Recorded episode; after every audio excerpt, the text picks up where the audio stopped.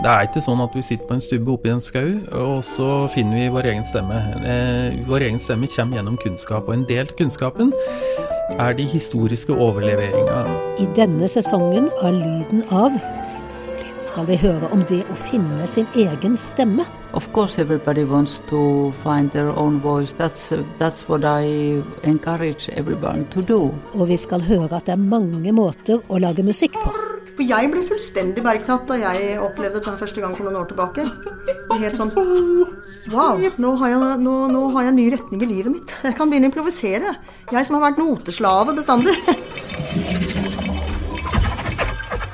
Og at kreativitet, nysgjerrighet og begeistring er viktig for studenter som vil skape elektroakustisk musikk. Because if they don't have ideas and they just want to copy what exists, then you might as well just have the computer do that, because a computer can copy.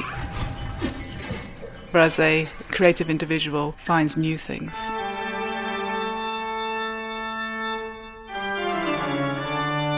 Absolutt alt bruker jeg nå i min stilling. Så jeg syns det er vanskelig å ta noe ut av utdannelsen, men samtidig så må noe inn. Og vi skal høre hvilke forventninger til kunnskap og sjangerbredde som møter kirkemusikere rundt i landet. Podkast fra Norges musikkhøgskole. Lyden av.